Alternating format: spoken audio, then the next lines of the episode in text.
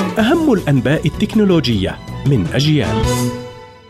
أهلا بكم في موجز لأهم أخبار التكنولوجيا من أجيال.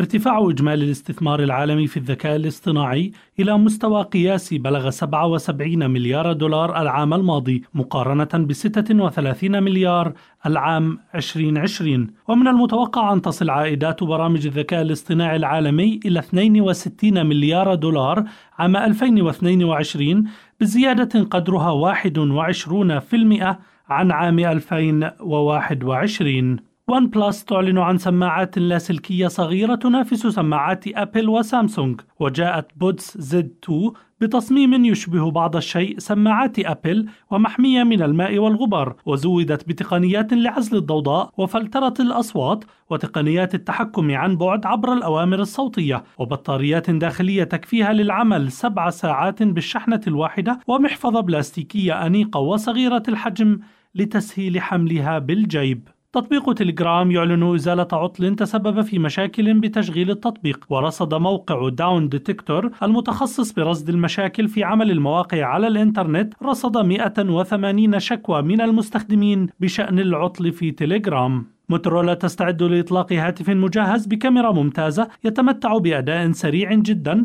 مع الشبكات الخلوية والإنترنت وسيحصل الهاتف على شاشة OLED من أفضل شاشات الهواتف المخصصة للألعاب الإلكترونية ويتميز الهاتف بكاميرا أساسية بدقة 200 ميجا بكسل وأخرى بدقة 50 وثالثة لتصوير ال macro بدقة 12 ميجا بكسل هذا بالإضافة إلى الكاميرا الأمامية بدقة 60 ميجا بكسل تشير التقديرات إلى أن هواتف أبل ما زالت قادرة على تحقيق أكبر مبيعات للهواتف الذكية خلال الربع الأخير من العام 2021 رغم نقص شرائح المعالجات في جميع أنحاء العالم والذي أثر سلبا على إنتاج الهواتف الذكية. وعادت الشركة الأمريكية أبل إلى قمة سوق الهواتف الذكية بعد ثلاثة أرباع من سيطرة سامسونج العام الماضي وذلك بفضل هاتفها آيفون 13 الجديد. إلى اللقاء.